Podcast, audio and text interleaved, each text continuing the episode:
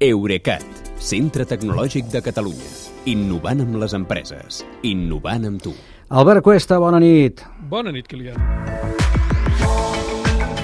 Avui Apple, avui iPhone, eh? Fa molt poques hores que s'han presentat els seus nous mòbils, ja són el 14, oi? L'iPhone 14, Sí. sí. els iPhone 14. Els iPhone una gamma. 14, sí. Uh, són diferents dels 13? A primera vista eh, diria que no, però això ja passa, també va passar entre els 13 i els 12, vull dir que tenen aquest format, eh, diguéssim que eh, qua- quadra, quadradets, eh, o sigui, Sí. rectangulars, amb els cantells eh, molt acusats, uns són de carcassa d'alumini i els altres de, de ser inoxidable.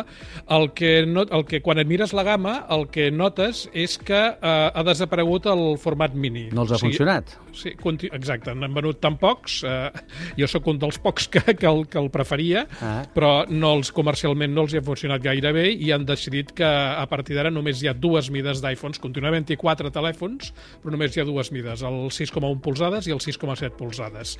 I això amb dues, també mantenen les dues variants. Hi ha els iPhones 14 i els 14 Pro, que són els que porten la tecnologia més, més avançada.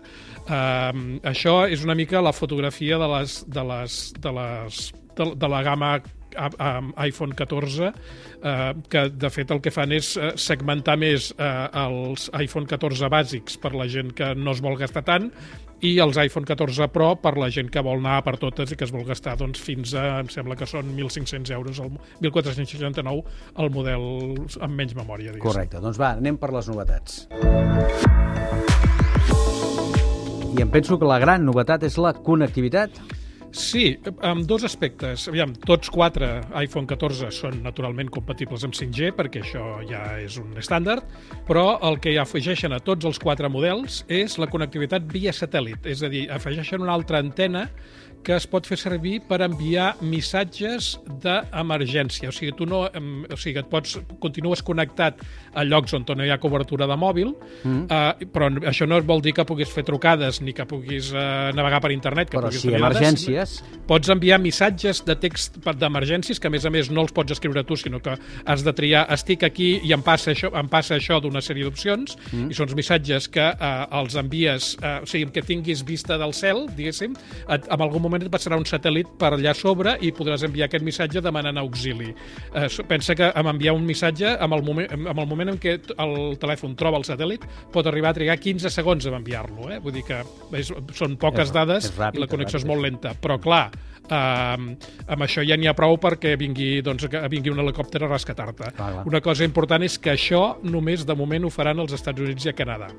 I l'altra cosa important de la connectivitat és que també als Estats Units eh, Apple finalment ha fet una cosa que fa anys que perseguia, que és prescindir de la targeta SIM física. Els iPhones 14 que es venguin allà només portaran eSIM, SIM virtual. Vol dir que tu podràs, tindràs molt més fàcil activar el telèfon i una cosa que no els agrada gens a les operadores és que podràs canviar molt més fàcilment de companyia. Ja.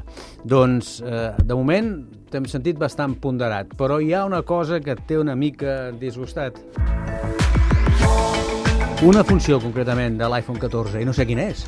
Sí, és una funció que es diu Always On Display que és, consisteix en que quan tu apagues la pantalla del telèfon, fins ara eh, la veies negra i si volies mirar quina hora era o llegir una notificació, l'havies de, com a mínim, aixecar perquè s'encengués, no? Sí. Eh, doncs ara, els Pro, eh, els dos Pro, el 14, i el, el 14 Pro i el 14 Pro Max, tenen la funció la, que- aquesta que quan encara que la pantalla estigui, diguem-ne, apagada, de desactivada, continuen mostrant informacions com el rellotge o les notificacions. Per què no, per què no t'agrada?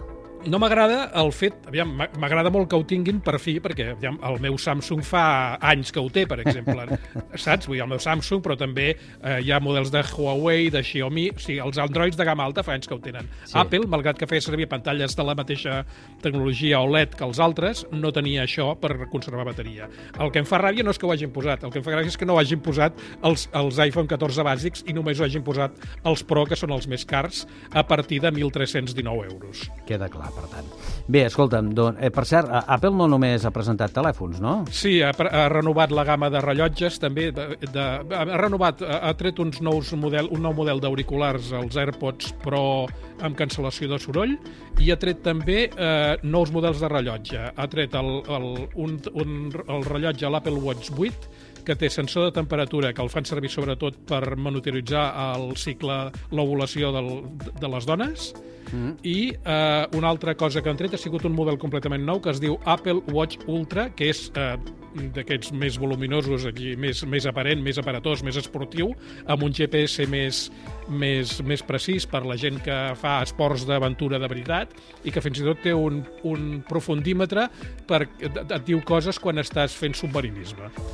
Bé. Bàsicament, bàsicament el que té aquest Ultra, ja t'ho dic, que val, per cert val gairebé 1.000 euros, és que ningú podrà confondre el, el rellotge que portes amb una de les in, innombrables eh, imitacions xineses de l'Apple Watch. Queda clar. Escolta'm, doncs, ja hem, ja hem vist tot el que ens ofereix Apple. Gràcies i fins a la pròxima, que vagi bé. Bona nit, Kilian, fins demà.